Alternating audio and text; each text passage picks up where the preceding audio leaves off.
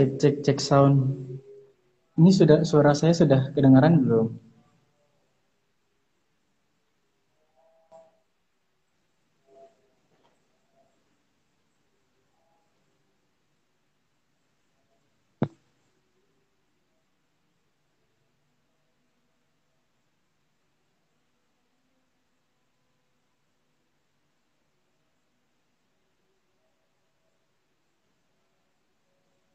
Oke, sudah kedengaran ya.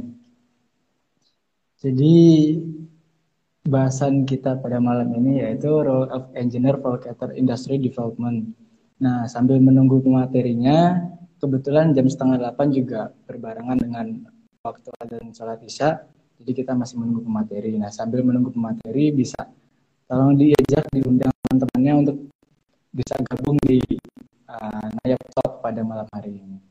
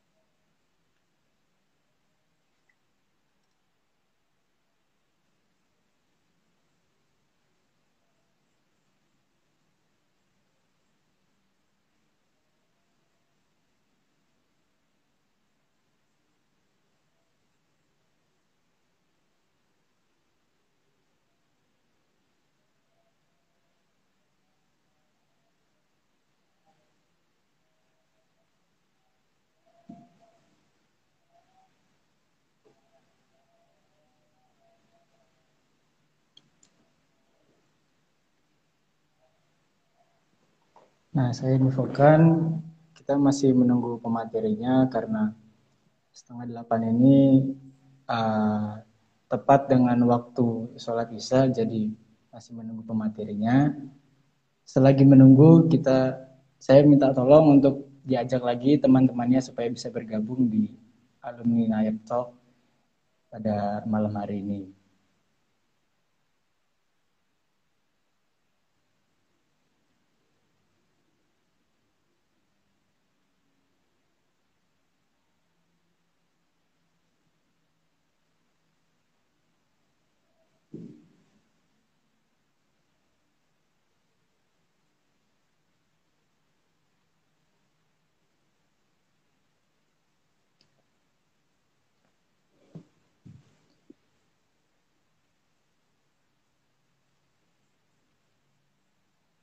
Sudah cukup banyak yang bergabung. Saya buka. Assalamualaikum warahmatullahi wabarakatuh. Selamat malam teman-teman. Bagaimana kabarnya? Semoga semuanya dalam keadaan baik-baik ya. Nah, pada malam hari ini bahasan kita yaitu role, role of role of engineer for cattle industry development. Nah, kebetulan pemateri kita sudah bisa bergabung. Sebentar.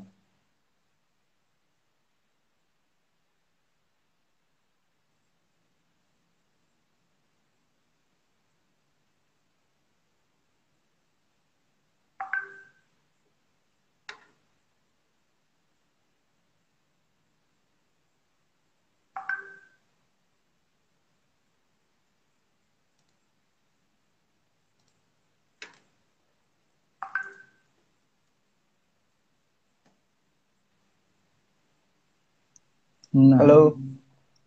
Miring nggak nih, Yan? Gimana Mas? Lurus nggak?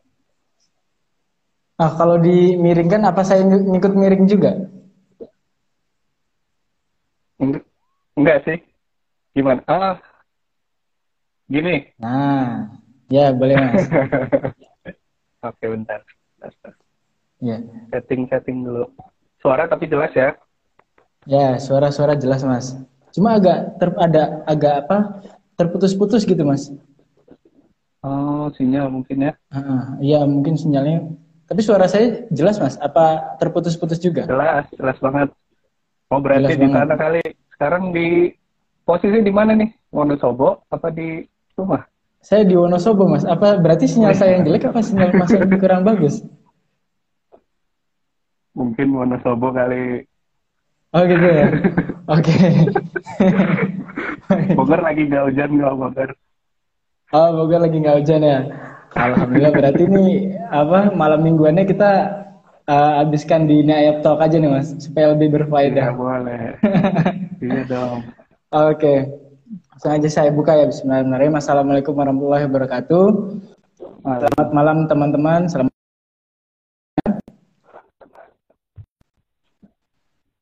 pada malam ini tema kita yaitu role of engineer for cattle industry development. Nah, ini Mas Satria apa kabar Mas?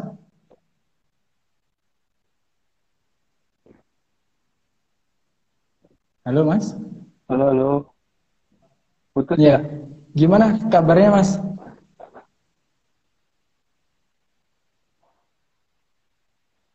Halo, halo. Ya, halo Mas. Oh ya.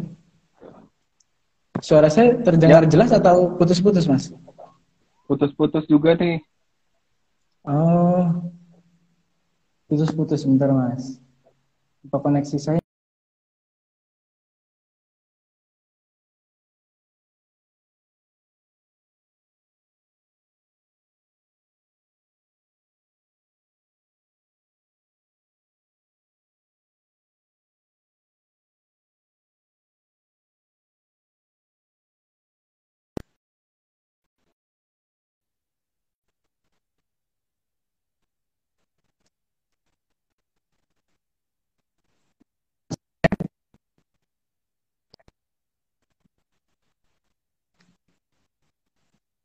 Saya sudah terdengar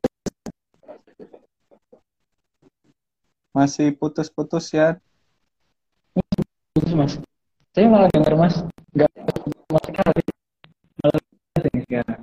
Oh gitu. Iya. Di sini loading gitu Masih- gambarnya. Mungkin di sini kali ya. Ah, Oke. Coba sebentar.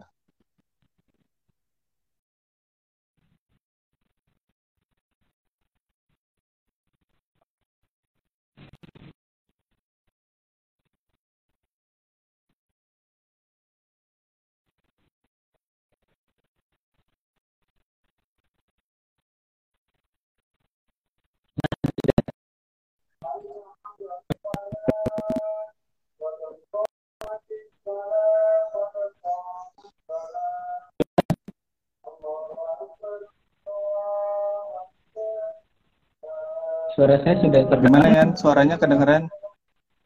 Iya, suara Mas Satria terdengar Suara-. Kalau suara saya Ah, putus-putus ya suara Iannya. masih putus-putus ya. Teman-teman gimana? Iya. Suara saya apa, ter- apa terdengar jelas, teman-teman? Oh, foto saya. Tuh, Bang Ah, Ian, burung saya. gambarnya burung. Wah, sinyalnya Padahal ganteng gitu. kurang.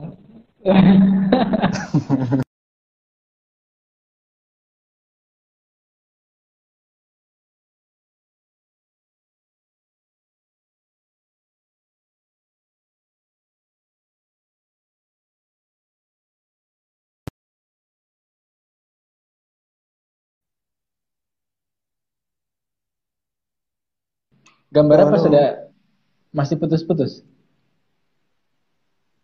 Gimana Yan? Uh, suara saya terdengar jelas belum Mas?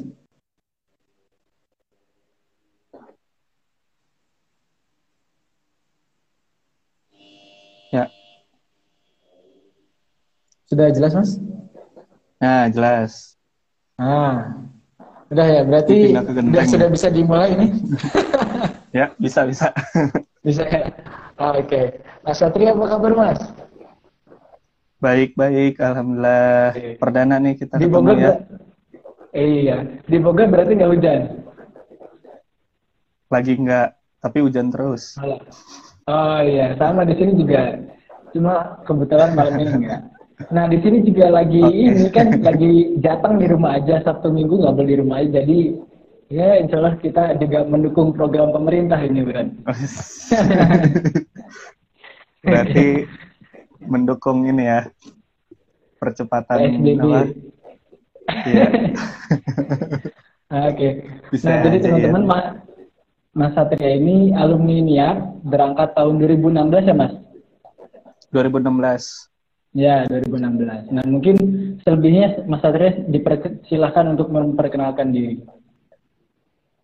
Ya, Assalamualaikum warahmatullahi wabarakatuh. Selamat malam semuanya teman-teman. Eh, perkenalkan saya alumni NIAP eh, tahun 2016. Eh, kalau kemarin ikut acara itu bareng Uli sama Abi juga, itu seangkatan. Eh, sekarang Oh, saya iya. kerja di BPPT, Badan Pengkajian dan Penerapan Teknologi. Alumni IPB lulus 2016 16 juga. Jadi Oh. tingkat akhir waktu itu. Mohon maaf mas, suaranya terputus. Ini suara saya terdengar Putus. jelas apa enggak? Iya. Jelas. Teman-teman jelas nggak? Teman-teman apa terdengar jelas? Atau suara saya yang putus-putus? Tapi Ian jelas di sini.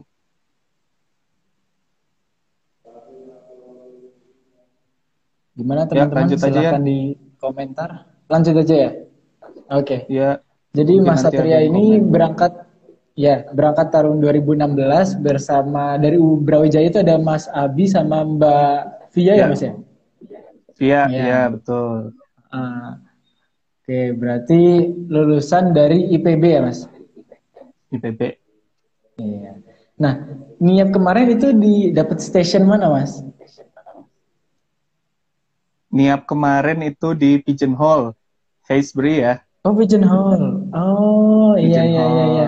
Ya. Ah, ah. Ian di mana Ian? kebetulan saya tetangganya, Mas. Victoria River Downs, PRD. Oh, Verdi. ya. Sama-sama Hatchbury. Segrup, Nah, dari- segrup, segrup, segrup. Mm-mm, sama-sama Hatchbury. Kayak dari kemarin, Mas, pengalaman niat tahun 2016. Apa sih pengalaman yang paling berkesan itu atau yang tak terlupakan lah, yang bisa jadi pelajaran buat kita atau khususnya buat Mas? Banyak sih ya. Pelajaran itu pasti eh, program kita tuh emang lain daripada yang lain kan. Nggak seperti program-program internasional lainnya gitu kan. Betul. Eh, cuma yang paling eh, happy tuh waktu di CDU sebenarnya. Gimana tuh, Mas? Apalagi jam-jam tertentu tuh. Pagi jam 7, siang jam 12, sore jam 5, pas makan. Kena... Kenapa tuh, Mas? Bisa diceritakan? Kan kita prasmanan gitu kan. Semuanya bisa diambil gitu kan. Cuma ada yang Iya, iya. menarik itu ada satu orang itu sangkatan eh, Nisa. Nisa itu Hmm. dia tuh nggak suka makan daging, Oh iya. iya, tapi iya. setiap makan tuh ngambil daging. kok bisa gitu kenapa itu itu, kan gimana ya? Mungkin ada oknum-oknum yang eh, nitip daging ke di saya. Semoga bisa nonton nih. Termasuk saya juga jadinya ya bisa bawa aja daging kalau mau ambil. Lumayan sedikit kan. Iya iya. Nah kalau untuk pengalaman yang misalnya yang paling memalukan atau paling berkesan gitu, misalnya dimarahin atau apa itu ada nggak mas? Itu pertama kalinya saya kerja di backyard ya. Itu benar-benar Ah, iya. apa? eh, saya sendiri sama eh, kambing itu eh, takut Kenapa mas? Kecil tuh pernah diseruduk soalnya dulu. Jadi ada Tapi itu benar-benar gitu ya.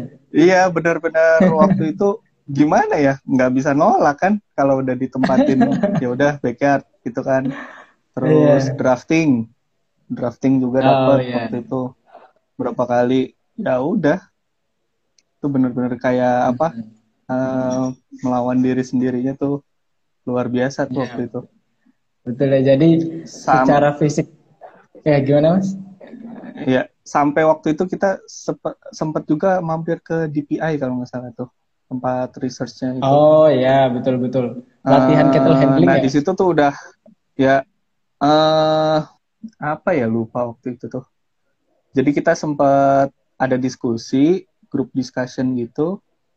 Tapi di situ tuh udah mulai kebuka oh ternyata kalau eh, jadi stockman itu kehidupannya begini, kalau researcher tuh begini. Cuma emang nggak pernah kepikiran kerja di bidang penelitian gitu.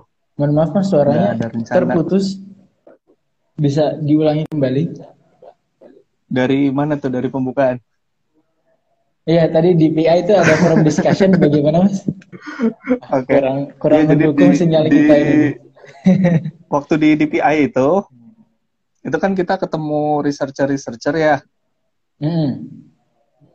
Nah, dari situ tuh kelihatan oh kehidupan researcher, ruang lingkup pekerjaannya gimana, terus mereka ngaplikasinya gimana. Itu udah udah mulai kebayang tuh di situ. Cuma nggak ada pernah kepikiran kalau apa eh, rezekinya di penelitian gitu.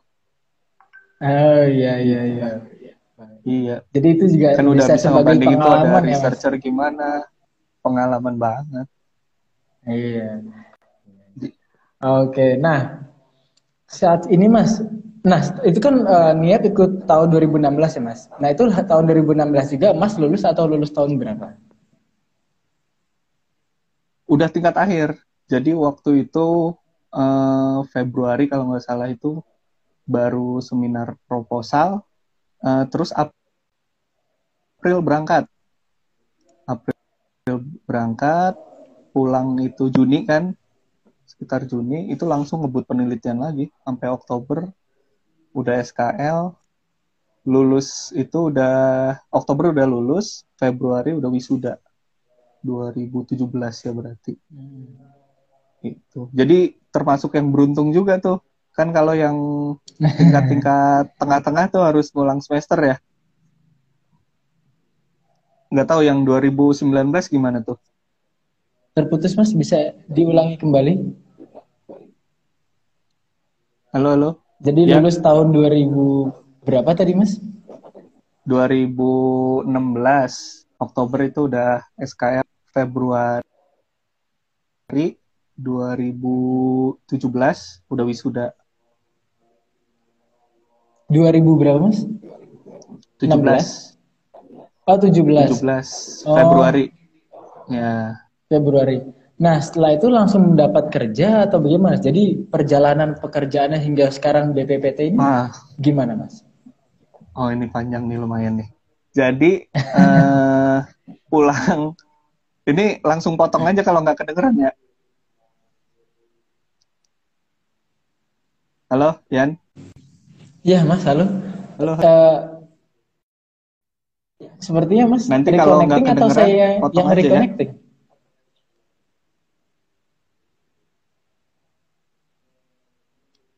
Halo Mas Satria. ya ya halo Iya. halo Itu tadi Kedengeran ya? yang terpo- yang terputus eh, yang sinyal saya atau sinyal Mas Satria? ya? nggak ngerti pokoknya Ian nggak nggak kedengeran aja Oh. Oh iya ya, mungkin bisa di si- diulangi lagi tapi Mas. suara kedengeran terus suara saya kedengeran terus Gimana Yan? Mas?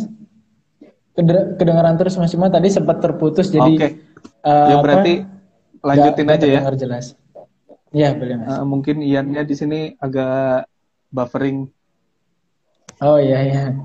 Oke, jadi eh, 2016 itu pulang dari NIAP tuh bulan Juni, terus lanjut penelitian sampai bulan Oktober itu udah sidang. Eh, sidang itu Oktober, nah udah selesai kan tuh Oktober 2016 Iya. tuh udah selesai. Tinggal nunggu wisuda Februari. Apply Iya. lah mulai ke mana-mana. Ya, ini masa transisi lah ya semuanya juga pasti ngerasain apalagi ya nih yang ba- ma- baru banget gitu loh. Baru, Baru banget ya. ngerasain transisi. Heeh. Eh, cuma emang eh, saya tuh dari dulu sekolah, eh, kuliah sampai kerja tuh nggak mau jauh-jauh sebenarnya di ya Jabodetabek Hmm. aja lah. Karena Iya, juga apa eh, banyak lah pertimbangannya keluarga dan lain-lain. gitu. Jadi waktu itu milih-milih kerjanya. Sempat ada panggilan di feedlot, breeding, eh, macem-macem lah di Lampung, di Purwakarta, di eh, Banten. Duh kayaknya jauh nih gitu kan. Udah jauh biasanya juga kalau di peternakan kan awal-awal tuh ya gimana ya eh, gajinya juga kurang gitu. Iya. Apalagi apalagi eh, ini realitanya nih ya. Iya, Mas. Iya, apalagi kan biasanya kita harus kerjanya di eh, daerah terisolir atau gitu ya biasalah kayak gitu Iya. itu udah udah kita banget lah gitu kan. Nah waktu itu karena pertimbangannya nggak bisa jauh-jauh, jadi milih tuh, milih, milih, milih. Dan biasa kalau misalnya apa eh, baru lulus itu kan idealisme tinggi tuh, maunya yang begini, maunya apalagi semakin besar achievement kita tuh di kampus ya itu biasanya Harapannya makin tinggi juga. ketampar tuh ya ekspektasinya tinggi banget kan Iya. apalagi iya, habis pulang dari Aussie 2016 baru banget. Iya. tahu gaji hariannya berapa? Wah nanti lulus gaji harian nggak jauh dari sini nih gitu kan. Pas ketemu eh, baru ngelamar eh ya ketemu realitanya gitu ya eh, lumayan berasa gitu kan. Akhirnya cari kerja apa aja waktu itu. Apply ke yang pokoknya any major masuk karena kan kalau ngelamar ya pertamanya itu kan eh, major kita masuk Betul. apa enggak dapat Iya. waktu itu kerja jadi sales Oh, iya, iya. iya. sales Di mana alat itu, berat Mas? lah pokoknya di suatu perusahaan itu kita Ah. saya jadi sales dua bulan Mhm. dua bulan nggak achieve achieve cake ya nggak nggak ada skill di sana kan. Cuma ya, Iya, iya. ya gimana ya itu udah benar-benar berusaha lah. Terus selesai dari situ saya ngajar ngajar sempat ngajar bahasa Inggris. Di saat Oh, eh, ya sekitar lima bulan itu saya ngajar. Iya. Eh, terus abis itu sambil nyari-nyari juga akhirnya mulai ada info pembukaan CPNS itu bulan Agustus kalau nggak salah bulan Agustus akhir lah pokoknya September. Nah itu udah nggak udah nggak kerja tuh. Dari Juli mungkin ya dari Juli. Udah nggak kerja. Eh, ya gitulah masih luntang lantung nunggu apa.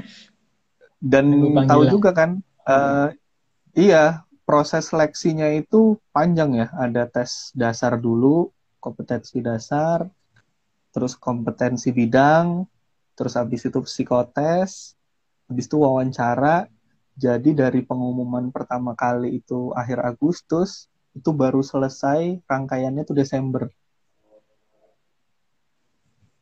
nah itu September ya? dilema juga Berarti De- eh, Desember, juga Desember, ya? Desember. Oh, Desember. Oh. Jadi iya, iya. Desember, iya. Jadi ya dilema juga kalau misalnya Kemudian mau ngambil kerja lagi yang lain, nanti kontrak gitu kan. Iya. Kalau enggak, ya nunggu gitu. Akhirnya ya nunggu. Eh, alhamdulillahnya dapat one shoot lah ibarat gitu Di- kan. Ah, iya, iya, iya. Ya Dapat di mana berarti itu langsung lah ya. Mas? langsung milih waktu awal. Nah ini ada cerita lucu juga. Gimana? sama sih sebenarnya Eh, misalnya kalau Ian ditanya Ian mau mau masuk mana gitu kan. Peternakan di pemerintahan mau masuk mana pasti taunya Kementan kan? Iya. iya taunya Kementan pasti ya. Eh, mana lagi ya gitu kan. Apalagi nggak nggak kepikiran mau masuk ke bidang penelitian misalnya LIPI gitu. Aduh. Iya. berat eh gitu kan. Ya kan biasa di lapang gitu kan misalnya. Ah ya Iya. akhirnya waktu itu eh buka nih. Eh, pembukaan kan jadi instansi tuh listnya banyak. Eh, jadi kita nyari yang ada yang ada jurusan peternakannya tuh di mana aja sih. Waktu tahun 2017 tuh ada di Kementan ada LIPI ada sama BPPT dah tiga tuh kita cuma bisa milih satu. Nah awalnya kan Kementan tahu LIPI tahu. BPPT apa nih? Gitu kan. Apa ya? Ini serius ini cerita asli deh terus udah gitu formasi. Formasi itu kayak eh, dibukanya eh, misalnya formasinya peneliti untuk S1 atau S2 itu kan. Pas dilihat LIPI peneliti eh, dibutuhkan S1 peternakan. Kementan ada waktu itu pengawas mutu bibit kalau nggak salah. S1 peternakan. Ada BPPT perekayasa perekayasa apa nih perekayasa gitu kan? S1 peternakan gitu kan. Sekarang Iya. ya strategi aja gitu kan. Kementan siapa yang nggak mau masuk sana kan? Ya Iya, apa? betul. pasti banyak gitu loh yang mau yang incer gitu kan terus LIPI LIPI itu kebayangnya udah wah aduh penelitian berat-berat ini gitu kan. Udah BPPT nih cakep nih kayaknya nih. Akhirnya pilih BPPT nah pas klik itu langsung muncul kantor Serpong gitu. Wah deket kan Jabodetabek. Wah udah cocok banget ini. Udah jadi lanjut pas eh, habis apply coba baca-baca kok kayaknya bidangnya penelitian ya gitu. Jadi ya bersinggungan sama penelitian gitu ya udahlah. Ya kalau rezeki gitu kan ya berarti jalannya situ ya udah jalanin. Akhirnya eh, Desember pengumuman baru masuk itu Februari. Jadi kebayang Hmm. Berarti lah ya- itu dari bulan Juli sampai Februari ya. Hmm. kebayang itu. Jadi ya buat teman-teman khususnya yang peternakan nih eh, mungkin banyak yang masih masa-masa transisi apalagi sekarang juga lagi situasi kayak begini kan makin sulit ya buat apply kerja gitu kan. Tapi ya eh, jangan patah semangat gitu karena tiap orang kan jalannya beda-beda. Ada yang susah di awal belakangnya lancar gitu. Ada yang lancar terus. Jadi Iya, jadi sebenarnya yang awalnya itu penelitian dihindari malah dapat tempat terjadi penelitian ya Mas ya. iya gitulah. Ini menarik berarti. gitulah Cuma namanya rezeki juga nggak akan ke mana ya Mas. ya ya begitu. Gimana lagi? Jadi jangan jangan menghindari sesuatu mungkin dia baik bagimu gitu kan Betul. nah, baik. Jadi Mas Re, Mas Satria Ya. itu kan bekerja di BPPT ya, Balai Pengkajian dan Penerapan Teknologi itu di bidang perekayasa ahli pertama. Nah, sebenarnya apa sih rekaya, perekayasa ahli pertama? Apa ada perekayasa ahli kedua, ketiga, dan keempat dan seterusnya? Apa gimana itu? itu jenjangnya jadi eh, Oke. mungkin yang pertama tuh paling enak kita jelasin dulu eh, ada eh, lembaga pemerintahan kementerian ada non kementerian nah itu dulu. Kita bahas dua ini aja dulu nih. Jadi ada kementerian ada non kementerian kalau kementerian kita udah sama-sama familiar ya. Eh, kementerian Iya. pertanian kementerian keuangan dan lain-lain. Nah perbedaannya apa? Kalau kementerian itu biasanya itu mereka tuh masuk dalam unsur kabinet. Jadi kalau eh, presiden ganti itu kan biasanya ada kabinet kerja apa gitu kan. Nah isinya kementerian-kementerian apa, kepalanya tuh menteri gitu. Nah, fungsi-fungsi regulasi itu ada tuh di uh, kementerian. Ini agak serius dikit nih ya. Jangan puyeng dulu. Nah, ada non kementerian. non kementerian itu biasanya dibentuk oleh presiden itu uh, melakukan fungsi khusus. Kayak ada BNN, itu non kementerian tuh buat narkotika, terus ada SAR, BPTU Badan SAR gitu ya, Nasional. Ya, uh, BPTU itu penelit banknya Kementan.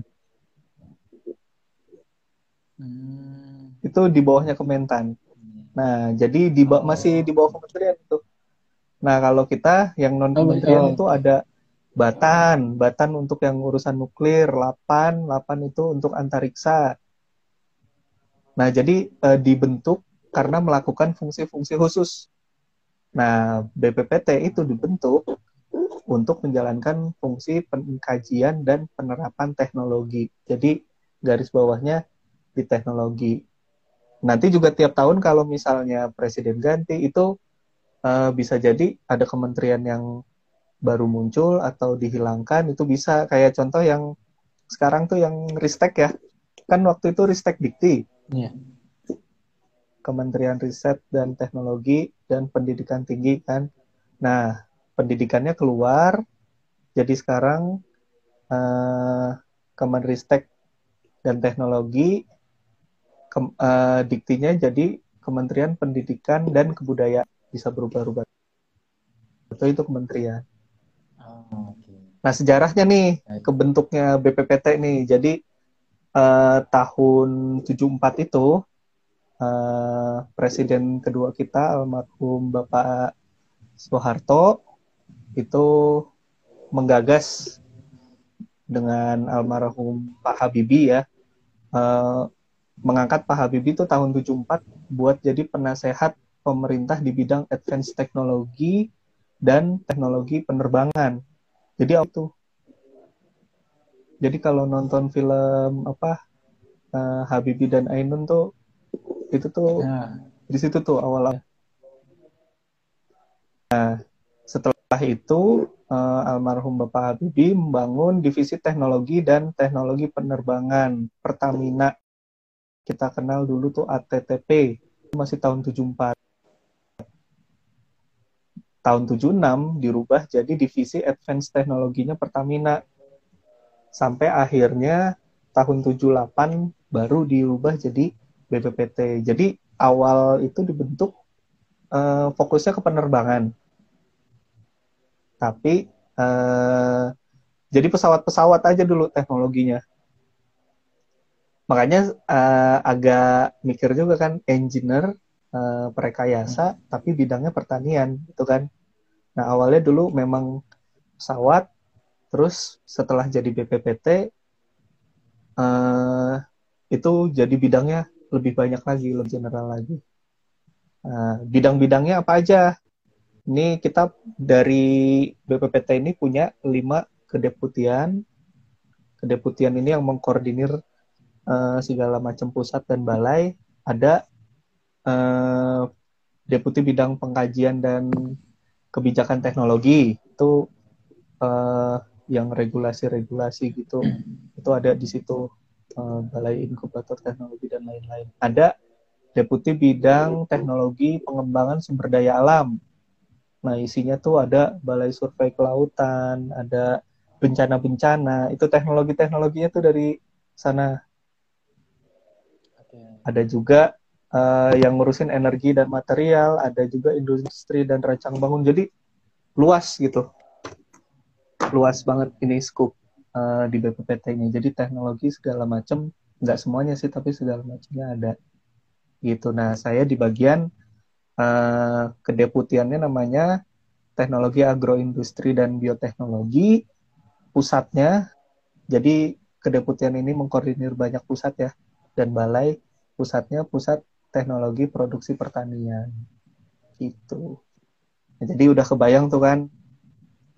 Oh iya. ada kementerian ada ada non kementerian LPNK biasanya disebutnya lembaga uh, pemerintah non kementerian itu Tapi sekarang katanya uh, Ristek itu mau mengkoordinir. Masih dalam progres ya. Jadi nanti beberapa LPNK kayak LIPI, Batan, BPPT, BSN itu mau dalam satu koordinator di bawah under the Ministry of Research and Technology itu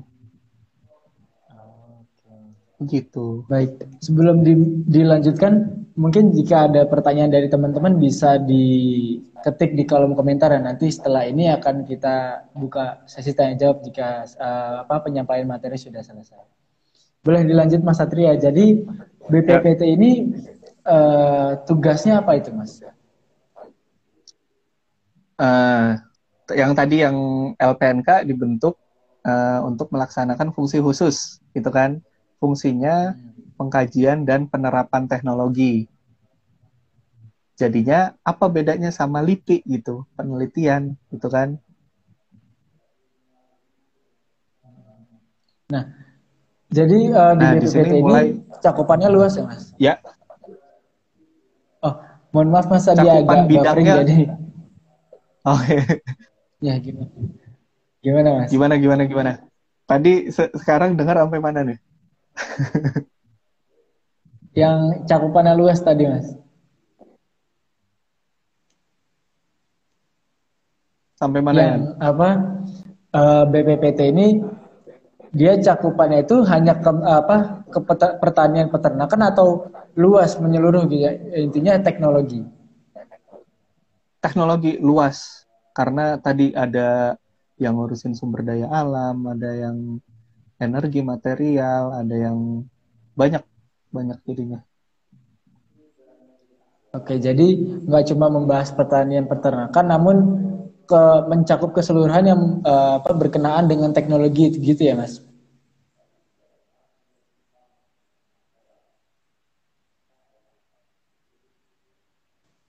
Halo, Yan.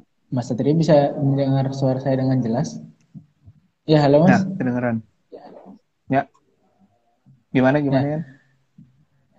Ya berarti uh, apa namanya BPPT ini nggak hanya berkenaan dengan peternakan dan pertanian, namun juga keseluruhan ya. yang mencakup teknologi gitu ya, mas?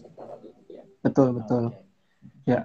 Nah kembali ke pertanyaan bidang. awal tadi, prekayasa ahli pertama ini sebetulnya apa sih, mas? Jadi itu jenjang dan tugasnya itu seperti apa? Uh, jabatannya. Jadi uh, kalau misalnya kita itu kalau di ASN itu kan ada golongan-golongan ya, misalnya golongan 3A, yeah. 3B itu prekayasa ahli pertama, nanti naik lagi uh, jadi prekayasa ahli muda, naik lagi jadi prekayasa ahli madya, naik lagi sampai jadi prekayasa ahli utama. Uh, begitu juga peneliti kalau nggak salah sama nih peneliti ahli pertama muda media utama. Kayak gitu. Tugasnya apa? Nah kalau di uh, eh, ASN PNS itu kita uh, mengenal namanya fungsional. Jadi biasanya kita nanya uh, fungsionalnya apa? Nah prekayasa peneliti itu salah satu jenis fungsional. Misalnya ada arsiparis, ada apa, itu itu fungsional gitu. Nah, nah saya fungsionalnya prekayasa dan BPPT itu uh, instansi yang membina prekayasa-prekayasa. Jadi misalnya Ian nih kelipi nih, tuh ada prekayasa juga di sana. Jadi jabatan prekayasa itu ada di LIPI, ada di Litbang Pertanian, ada di Litbang Kementerian apa itu ada. Begitu juga peneliti, peneliti juga ada banyak di mana. Kerjaannya yang paling mudah menjelaskan itu adalah kita ada uh, melakukan uh, penelitian juga, tapi terapan, penelitian terapan, pengembangan, perekayasaan dan pengoperasian jadi yang sangat membedakan dengan peneliti itu adalah kalau peneliti itu misalkan uh, melakukan penelitian dasar dan juga fungsinya untuk apa uh, mencari fakta dan mengembangkan ilmu pengetahuan kalau kita melakukan setelahnya. Jadi dari dari penelitian-penelitian yang udah ada kita melakukan kegiatan kerekayasaan untuk uh, membuat prototipe atau membangun sistem, membuat model, produk dan lain-lain gitu. Jadi researcher dan engineer gitu bedanya. Oke, jadi sebenarnya mirip ya Mas antara perekayasa dengan peneliti gitu. Cuma bedanya uh, iya. peneliti itu ibaratnya melakukan penelitian awal, kemudian perekayasa adalah melakukan penelitian lebih lanjut begitu ya Mas? Iya, bisa gitu. Penelitiannya lebih keterapan ya, yang benar-benar kalau lebih memang dibutuhkan untuk ya misalnya kita mau bikin satu produk dari literatur yang kita dapat ini udah cukup ya udah kita tinggal assembling aja gitu tapi kalau misalnya uh, ada data yang kurang nih berarti kan kita butuh ngelakuin riset juga gitu jadi uh, penelitian itu bagian dari rangkaian kegiatan gitu hmm. Tapi nggak nah, nggak bukan penelitian yang dasar gitu loh. Jadi kita nggak perlu melakukan penelitian yang uh, misalnya kebutuhan uh, nutrien sapi misalnya. Itu kan udah ada udah banyak penelitian yeah. tapi kita lebih ke misalnya kita bikin satu produk pakan gimana kita ngevaluasinya? Apakah dari segi nutrisinya tercukupi dari uh, profil darahnya dan lain-lain gitu Nah, ini menarik ini. Jadi buat teman-teman yang mungkin belum tahu tentang BPPT atau kerekayasaan. Nah, ini bisa jadi referensi nanti ketika teman-teman setelah lulus kuliah. Nah, ini Gimana? bisa jadi referensi pekerjaan hmm. untuk dicari. Nah, oke, okay, nah, ya, ya. Mas, Mas Satria ini kan sudah sejak tahun berapa Mas di BPPT? 2018. Nah, sudah dari 2018 berarti sekitar ya sekitar tiga tahun lah di sini. Nah, itu uh, penelitian atau kerekayasaan apa aja sih mas yang sudah Mas Satria jalani dan itu hasilnya bagaimana? Ya, kalau prekayasa itu kita kerjanya biasanya tim ya. Jadi uh, kalau peneliti itu kan bisa mereka ngelakuin research sendiri gitu kan, itu bisa. Tapi kalau kita kan uh, create produk atau kita buat sistem sesuatu, jadi kita uh, as a team gitu. Nah, selama tiga tahun ini uh, yang program besar yang udah saya sempat kerjakan dengan tim itu uh, ada pilot project integrasi sawit sapi itu tahun 2014 sampai 2019. Cuma saya kan cuma ikut dua tahun terakhir tuh. Jadi kita bikin pilot project integrasi antara sawit dan Kabupaten Pelalawan Riau. Tapi itu uh, skalanya untuk peternakan rakyat. Jadi uh, bukan untuk skala company besar, itu skalanya peternakan rakyat. Dan harapannya ketika pilotnya itu udah jadi, kan udah jadi nih, itu bisa uh, diadaptasi di banyak daerah gitu. Karena kita udah punya skemanya skema untuk membangun uh, integrasi sawit sapi skala uh, peternakan rakyat. Produknya, nah jadi kita bikin pilot, ada produk-produknya yang dihasilkan juga tuh selama lima tahun. Ada aplikasi recording uh, buat ternak, pencatatan, si Pinter ada, aplikasi formulasi pakannya juga ada, si Pandai, ada juga mesin chopper khusus buat pelepah sawit karena khusus ya ininya. Uh, modelnya harus. Terus juga kita bikin silase pakan komplit. Jadi uh, dari byproduct sawit itu uh, ada solid decanter ada uh, bungkil sawit sama pelepah sawit itu kita bikin jadi pakan komplit ada ada juga yang kita buat jadi konsentrat tanpa pelepahnya itu macam-macam produk probiotik juga ada begitu Oke, baik. Nah, Jadi itu produk berarti yang yang tadi orientasinya. betul.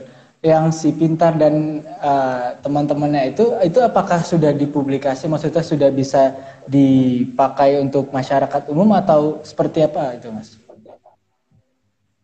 Nah, uh, untuk produk sendiri itu ada yang udah siap komersialisasi, ada yang masih tahap uh, pengkajian.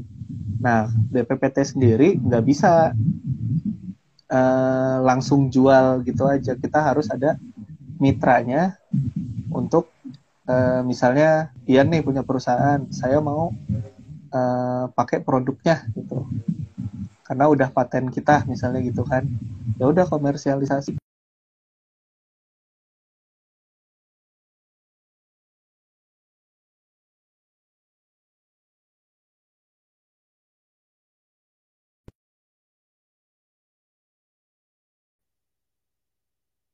Halo.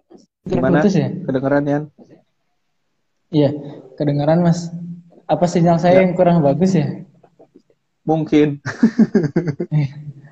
Oke, monggo silakan dilanjut Mas. Ya. Nah, tadi kemudian selain tadi pilot uh, kan uh, sudah melakukan pilot project yang berorientasi, okay. ya, berorientasi ya. pada produk.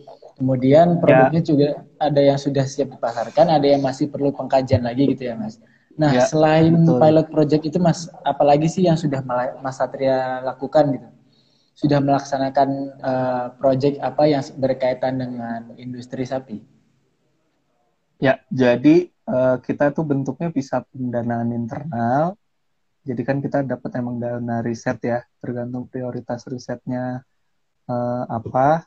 Juga biasanya ngelakuin kegiatan kolaborasi jadi misalnya ada pemerintah daerah, ada permintaan untuk pengadaan teknologi apa gitu atau perusahaan nah, yang udah yang sedang dikerjakan itu adalah eh, dengan biofarma ada juga kita pengkajian eh, rumput eh, rumput kikuyu, rumput mentega kalau tahu itu Panicetum clandestinum itu kita lagi coba kembangkan rumput uh, kikuyu rumput ya. Ya, kikuyu. Kuyu apa atau kikuyu? Ki, kikuyu. K K Kuyu. K I K U Y U. Ki Kiyuyu. Gimana Mas? Kikuyu mentega lah, rumput mentega gitu. Oh, Oke. Okay. Rumput mentega. Iya, iya, iya. Ya. Berarti itu uh, belum eh, disebarluaskan ya Mas rumputnya? Itu biofarma untuk pakan kuda. Hmm. Tapi juga ya. Untuk rumputnya apa sudah disebarluaskan Mas? Gimana? Untuk rumputnya apa sudah di apa namanya dipasarkan ke masyarakat atau masih dalam pengkajian Mas? Masih masih uh, proses pengkajian mungkin tahun ini mungkin mau ini ya mau launching sama uh, disebarluaskan itu rumput. Nah terus ada juga uh, rencananya mau ada kerjasama sama Jawa Barat di smart farming, cuma masih dalam pembahasan. Terus juga ada uh, dengan pemerintah daerah Fakfak Papua Barat itu kita yeah. Ya. uh, bikin pabrik pakan mini Terus kemarin hmm. juga ada di peternak kelompok peternak Bandung Barat kalau nggak salah tuh.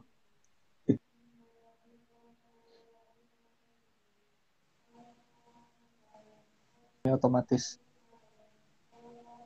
Oke. Begitu. Baik, menarik sekali. Jadi ada ada okay. sistemnya kolaborasi juga ya itu. Jadi permintaan dari perusahaan atau daerah itu gimana. Jadi ya kalau dibilang apa harus siap segala macam permintaan ya siap juga gitu. Karena misalnya kita mau fokus ke sapi aja gitu tapi ada yang minta kuda ya harus siap juga gitu. Kuda nah, gimana berarti eh, nggak uh, harus di persapian ya mas cuma juga uh, ya hewan-hewan lain seperti kuda mungkin juga ada hewan lainnya seperti itu halo, ya mas. Halo. ya halo mas Apa terputus tadi, Mas? Sudah bisa dengar suara saya dengan jelas? Ya, tapi masih putus-putus ya. Masih putus-putus. Tes cek cek cek sound. Sudah jelas, Mas?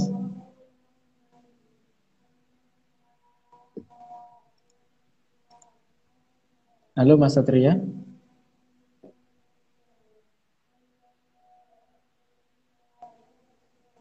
Sudah terdengar jelas, Mas? Halo, halo. Halo, teman-teman, apa bisa mendengar saya dengan jelas?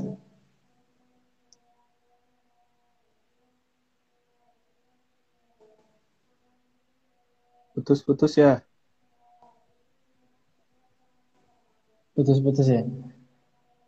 Tapi kedengeran nggak suara? Suara Mas Satria terdengar jelas, Mas?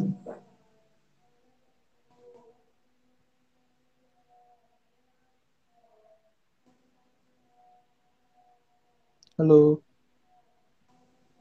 Halo, Mas. Ya. Ya, ya, Nah, ya. ini bagi teman-teman jika ada jika ada pertanyaan Ya, bisa putus lagi. ditanyakan di kolom komentar ya. Ya, suara saya sudah jelas, Mas? Ya, jelas. Lanjut. Oke. Nah, baik. Jadi tadi uh, ada apa namanya pilot project, ada juga yang uh, apa tadi pembuatan pakan juga gitu ya, Mas. Jadi macam-macam. Nah, kemudian uh, selain itu ada project apa lagi Mas yang mungkin sedang lagi sedang dijalankan gitu, Mas? Rencana lanjut yang Bio Farma kita lanjut.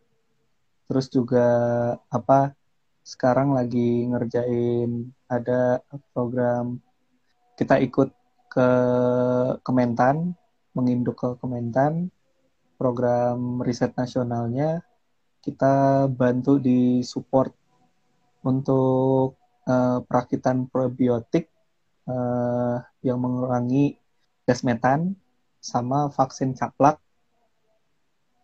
Itu dua dua program yang ikut Kementan terus udah Bio Barat mungkin nanti yang kita masih mau ngerjain apa gitu. Halo, Mas. halo Ya, suara saya terdengar jelas Mas tadi uh, apa sempat terputus. Sinyalnya di sini sampai kurang mana ya bagus. Yan? Tadi yang eh, vaksin apa itu jangan Mas? jauh-jauh ya pegel ini ya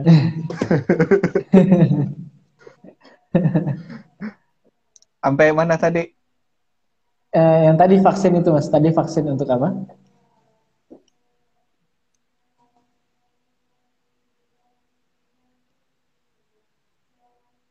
Halo Mas. halo halo Ah, bu- bisa dilanjut lagi Mas yang tadi mengenai vaksin.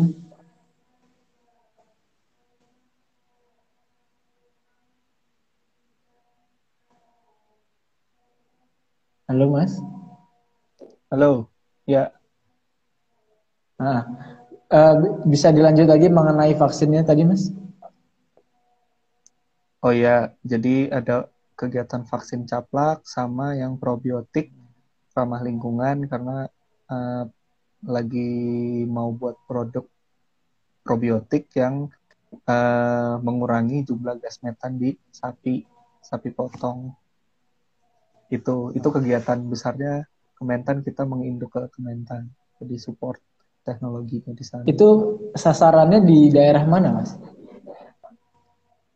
untuk targetnya itu eh, belum sampai ke sana ya. Jadi kita kan masih perakitan prototype. Halo, halo.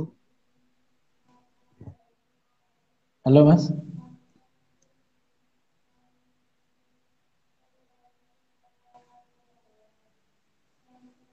Halo Mas Satria. Halo. Kan? Oke, silakan dilanjutkan Mas. Ya, jadi biasanya eh, tahun pertama kita masih rakitan prototype 1, misalnya tahun kedua itu kita lanjut eh, uji multilokasi, jadi kita menguji dulu sampai nanti tahun berapa di tahun ketiga keempat baru kita uh, ke arah komersialisasinya gimana itunya ke mana gitu. Jadi awal masih ini masih tahun pertama ya oke okay. baik baik nah kemudian saya uh, membaca dari sumber juga ini ada Mas Satria itu melakukan perkayasaan teknologi pakan ternak ruminansia. Nah itu apa yang direkayasa, Mas?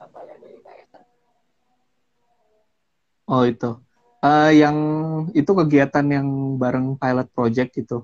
Jadi uh, kita okay. uh, tadi yang kita bikin produk uh, dengan bahan solid decanter, terus uh, bungkil sawit, terus juga pelepah itu kita hitung kebutuhan nutrisi sapinya berapa kita sesuaikan sama apa eh, bahan-bahan yang ada tapi evaluasinya itu kemarin masih masih besar di lemaknya karena lemak oh. dari bahan-bahan itu masih tinggi gitu.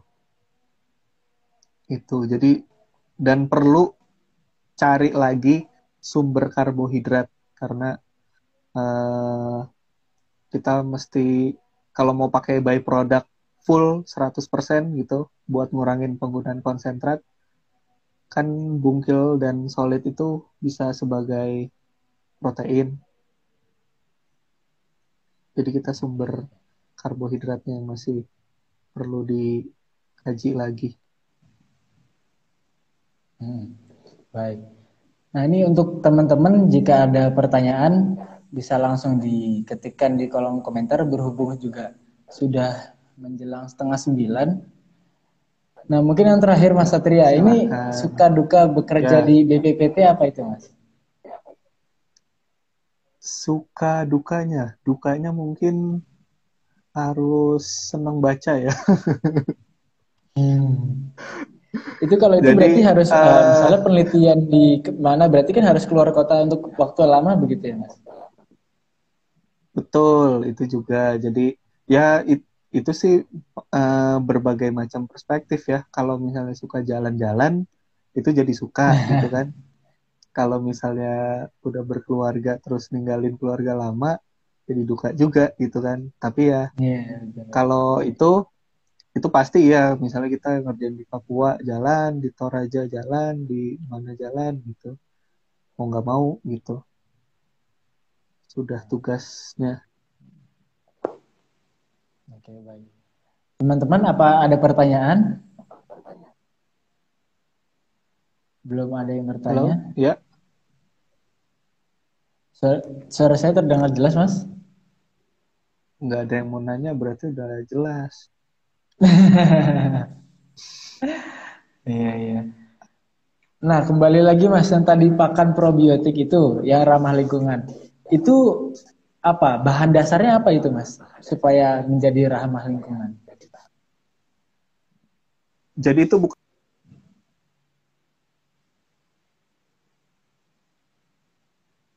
Halo mas.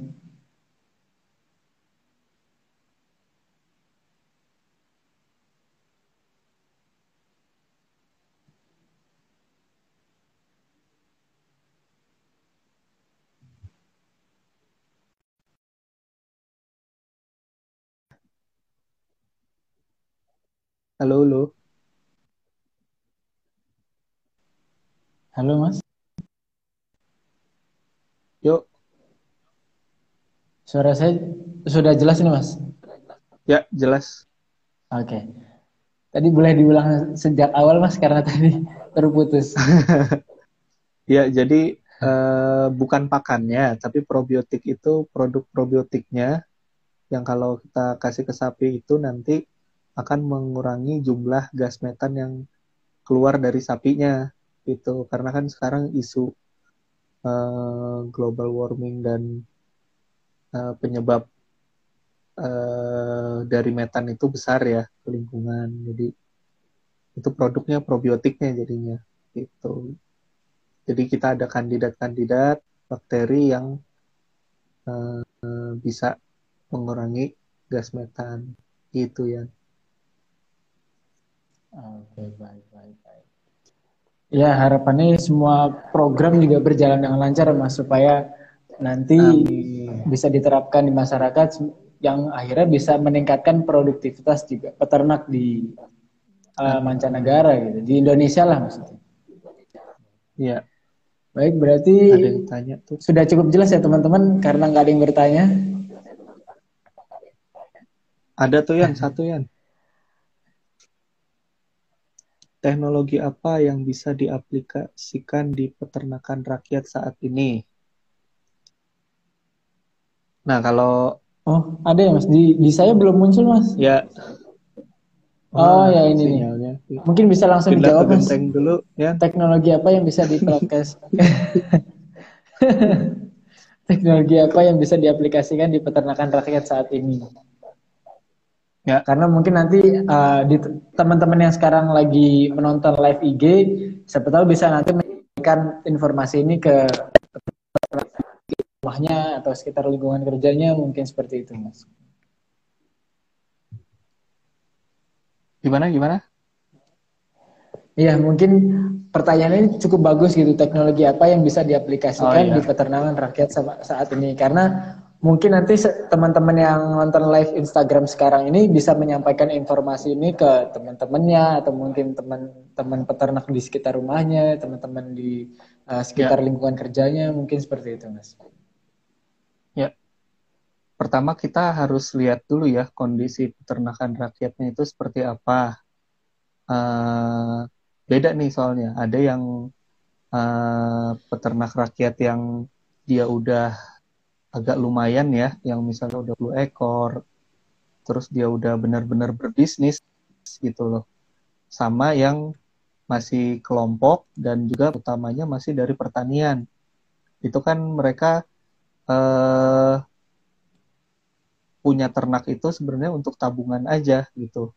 Jadi kalau misalkan kita mau menerapkan teknologi, kita lihat dulu profil dari eh, si targetnya konsumernya gitu itu seperti apa gitu kan karena misalnya contoh kita mau kasih teknologi uh, penerapan untuk reproduksi dan pakan yang bagus kalau misalnya mereka belum melakukan bisnis uh, mereka akan mikirnya bukan teknologinya tapi teknologi malah justru mahal gitu karena misalnya mereka dengan adanya uh, ambil dari jerami atau rumput-rumput liar udah cukup gitu loh. Nah, jadi uh, kalau misalnya yang bisa diterapkan banyak, misalnya kita mau bikin kayak di Papua kita bikin pabrik pakan mini itu dikelola sama apa uh, pemerintah daerahnya, terus misalnya untuk peternak rakyatnya, misalnya bahan baku bahan baku pakan lokalnya dimasukin ke sana semua, terus jadi pakan di sana murah itu bisa. Terus ada juga kita bikin pastura misalnya. Nanti kelompok-kelompok ternaknya uh, secara grup, misalnya pengelolaannya grup, uh, sapinya di pastura, misalnya kita bikin 10 ekor betina sana, ada jantannya satu, pengelolaannya bergantian, itu bisa. Itu macam-macam, bisa banyak uh, pengaplikasi dulu profil si peternak uh, rakyat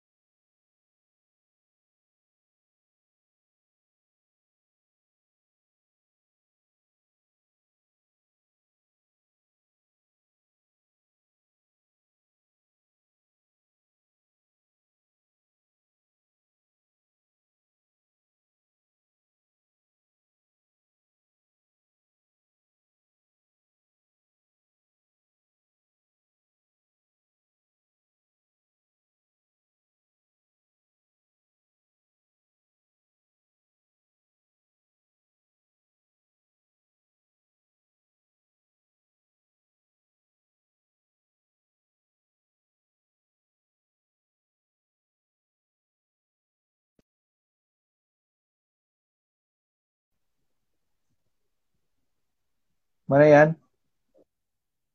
mohon maaf mas ini bisa di sinyal di sini agak kurang bagus jadi putus tadi.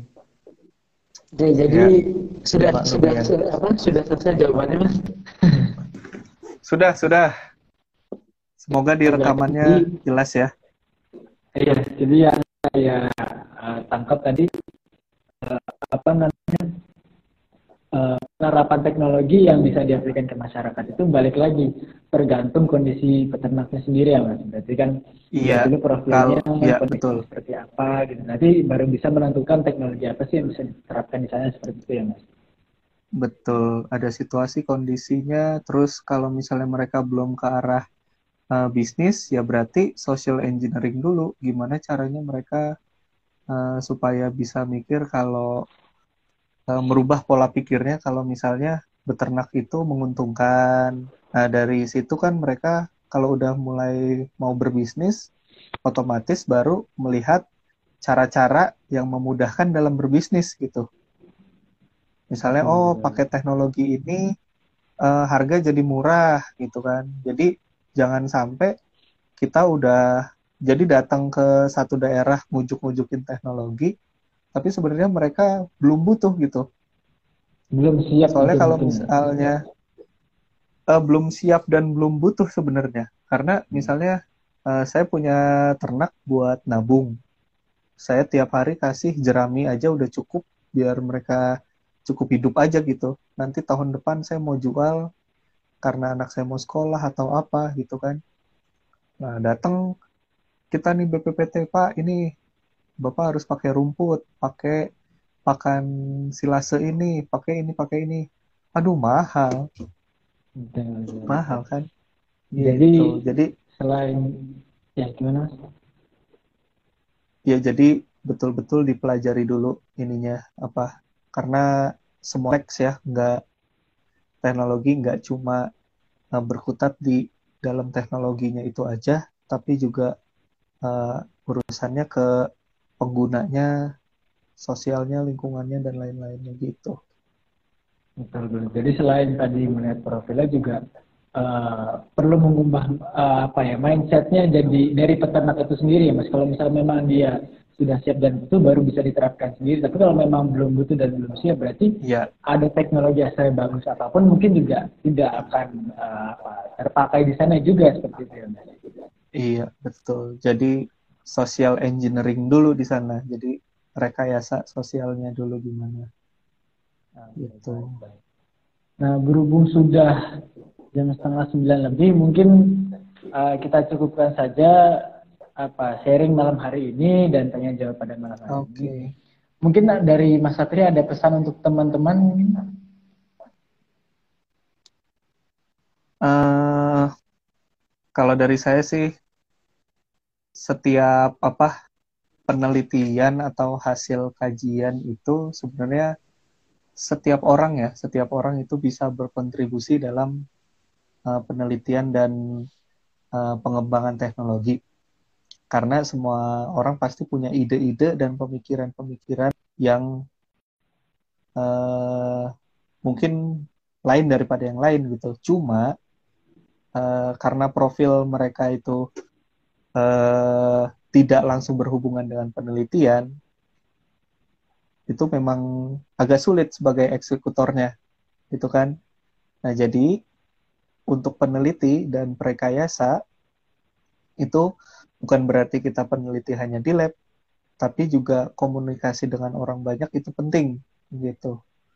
Jadi uh, selain silbah rezeki, silaturahmi juga menambah inovasi itu. Baik, baik. Super sekali ya. Itu penutup. Okay. itu, itu. Oke. Okay, uh... udah mirip ya. Baik, jadi menarik sekali bahasan kita kali ini gitu. Mungkin banyak yang mengira peternakan itu wah dipandang sebelah mata gitu kan. Tapi perlu dibaris bawahi bahwa dunia peternakan ini cakupannya cukup luas gitu. Jadi segi reproduksi, ya. bahkan bahkan Betul. sekarang teknologi gitu. Kita sebelumnya pernah bahas animal welfare, startup gitu. Cuma kali ini dari ya. teknologinya. Nah itu ya. uh, jadi membuat kita sadar bahwa wah ternyata peternakan itu luas ya. Jadi kita patut berbangga diri lah bahwa kita ada di dunia peternakan gitu. Jangan berkecil hati lah gitu ya. Betul betul. Nah, sama mau ngucapin juga buat teman-teman peternakan nih. Kan ini pasti banyak nih yang nonton nih dari seluruh Indonesia. Uh, acara niap ini tuh bagus banget sebenarnya karena uh, alumni-alumni itu ada yang udah kerja di swasta, ada yang jadi pengusaha, ada yang lanjut kuliah. Dan ketika tingkat akhir itu untuk menentukan kita mau ke mana, itu kita tuh pasti susah banget gitu loh buat kita tahu uh, apa sih sebenarnya uh, kehidupan profesional di dunia peternakan gitu kan. Karena selama kuliah juga kita belum banyak gitu kan. Nah, dari sini tuh makanya uh, beruntung lah teman-teman kalau misalnya bisa melihat oh oh kalau misalnya dari uh, pemerintahan kayak gini oh dari perusahaan kayak gini itu jadi uh, keren sih programnya jadi dilanjutkan semoga sukses selalu programnya amin, amin. makin rame amin Nah, uh, buat teman-teman juga yang mungkin sebentar lagi mau lulus atau udah ada planning lah ke depan untuk mau kerja di mana. Nah, ini BPT, BPPT ini bisa juga sebagai alternatif gitu bagi yang ingin meneliti. Gitu. Selain ada LIPI, ada Kementan, ada juga BPPT. Uh, ya. Saya ingin mengingatkan kembali, jadi uh, alumni eh, alumni Nayab Talk ini kan sebelumnya telah membahas animal welfare, startup, women in agriculture dan lain sebagainya. Nah itu kan menarik tuh. Nah jadi minggu depan juga ada kan ada materi-materi menarik sel uh, selanjutnya gitu. Cuma yang saya ingin garis bawahi, jadi alumni Nayab Talk ini mulai bulan ini diadakan sebulan dua kali. Jadi akan diadakan kembali pada tanggal 20 Februari. Baik, saya tutup. Terima kasih waktunya Mas uh, Satria. Saya sebagai host mengucapkan terima kasih sebanyak-banyaknya kepada teman-teman yang sudah meluangkan waktunya untuk hadir menyimak uh, alumni Nayab Talk ini pada malam hari ini. Saya juga mohon maaf jika sinyalnya di sini di uh, beberapa kali dan suara saya mungkin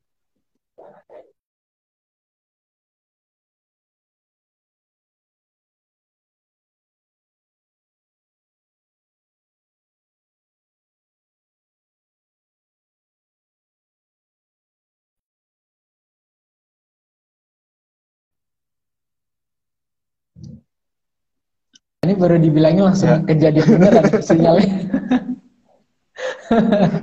baru minta maaf. Iya. Berhenti lagi. Itu semoga bisa berjumpa di lain kesempatan ya Mas. Semoga juga bermanfaat bagi teman-teman yang menyimak. Ya. Terima kasih. Saya tutup. Wassalamualaikum warahmatullahi wabarakatuh. Selamat malam. Waalaikumsalam warahmatullahi wabarakatuh.